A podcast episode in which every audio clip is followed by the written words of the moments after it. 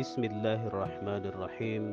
Alhamdulillah wa syukrulillah wassalatu wassalamu ala Rasulillah wa ala alihi wa sahbihi wa mawala. Dua kalimat syahadat. Ashhadu an la ilaha illallah wa anna Rasulullah adalah dua kalimat yang ringan untuk kita lisankan tetapi berat dalam timbangan Allah Subhanahu wa taala. Karena sebuah pernyataan dalam soal dan bentuk apa pun pasti menuntut risiko dan konsekuensi. Begitulah sebuah syahadat.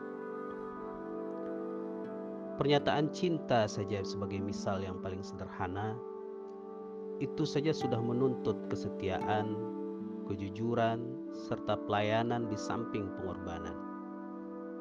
Begitu juga pernyataan seseorang untuk menjadi anggota sebuah organisasi misalnya. Pasti diikuti oleh berbagai macam ikatan yang merupakan kewajibannya.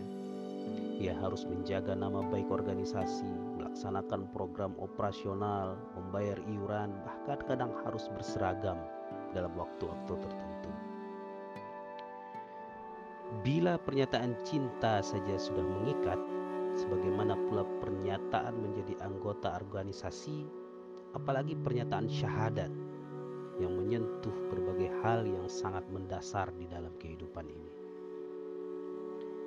Hal ini perlu dipertegas agar jangan muncul perkiraan bahwa syahadat itu sekedar sebuah pernyataan yang tidak berbuntut apa-apa harap berhati-hati karena sikap inilah yang menjadi biang utama kelemahan umat Islam selama ini. Karya iman bukan saja bisa dinikmati oleh orang lain, tetapi akan langsung terasa pada diri sendiri. Bukan saja orang lain kebagian hasil kerjanya, akan tetapi dengan kekuatan iman yang diperolehnya, seseorang dapat membenahi dirinya agar dapat tampil lebih baik. Secara otomatis, orang yang bersyahadat akan berusaha untuk menata sikap dan gayanya. Di sini iman semakin terasa gunanya dalam bentuk perawatan dasar sebagai umat Islam yang ideal, yang tampil penuh pesona yang menggiurkan. Diri kita dengan seluruh keberadaannya harus tampil menjadi alat peraga yang memamerkan bagaimana persisnya syahadat itu apa hasil dan gunanya bersyahadat, apa pengaruhnya dan nilai tambahnya, apa bedanya orang yang belum bersyahadat. Semuanya itu harus berhasil kita tampakkan dalam penampilan kita sehari-hari. Identitas kita sebagai orang yang bersyahadat harus jelas, harus nampak dalam ciri-ciri kita bersikap, berpikir, berencana, bereaksi, dan dalam menilai. Diri kita harus menjadi wujud nyata dari syahadat tersebut. Kecintaan kita kepada Allah, demikian juga ketakutan kita kepadanya harus menjadi fakta yang nyata. Ini adalah tuntutan yang wajar dan mutlak dari sebuah pernyataan seperti syahadat itu.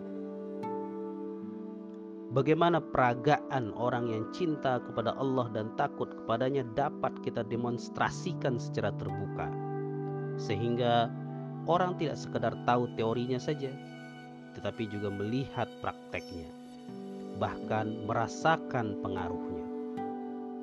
Ini tuntutan yang perlu mendapat perhatian, agar Islam itu jangan hebat dalam berita, tetapi juga hebat dalam fakta. Tidak heran kalau segera dalam wahyu kedua Allah sudah menekankan pemakaian identitas keislaman yang merupakan wujud nyata dari iman itu sendiri Identitas yang dimaksudkan tadi adalah identitas yang khas Islami, yang nampak dalam akhlak keseharian, dalam kreasi aktivitas, dalam nilai keberadaan seorang mukmin secara totalitas kepada semua aspek kehidupan.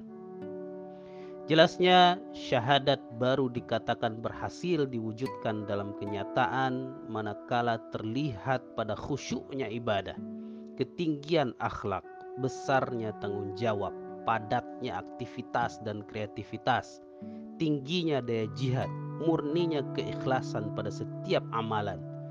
Tidak adanya iri dan dendam, tidak kenal putus harapan, asyik dengan tantangan, mudah diatur dan mampu mengatur. Orientasi ke depannya penuh harapan dan tidak menawar tugas sesuai dengan batas kemampuan. Bila mana tidak demikian, lantas di mana letaknya nilai tambah pernyataan syahadat tersebut? Apalagi kalau dikaitkan dengan kehebatannya, apa artinya kalau bukan untuk memberi nilai tambah yang maksimal sesuai dengan jaminan yang begitu luar biasa. Hadanallah wa iyyakum ajma'in.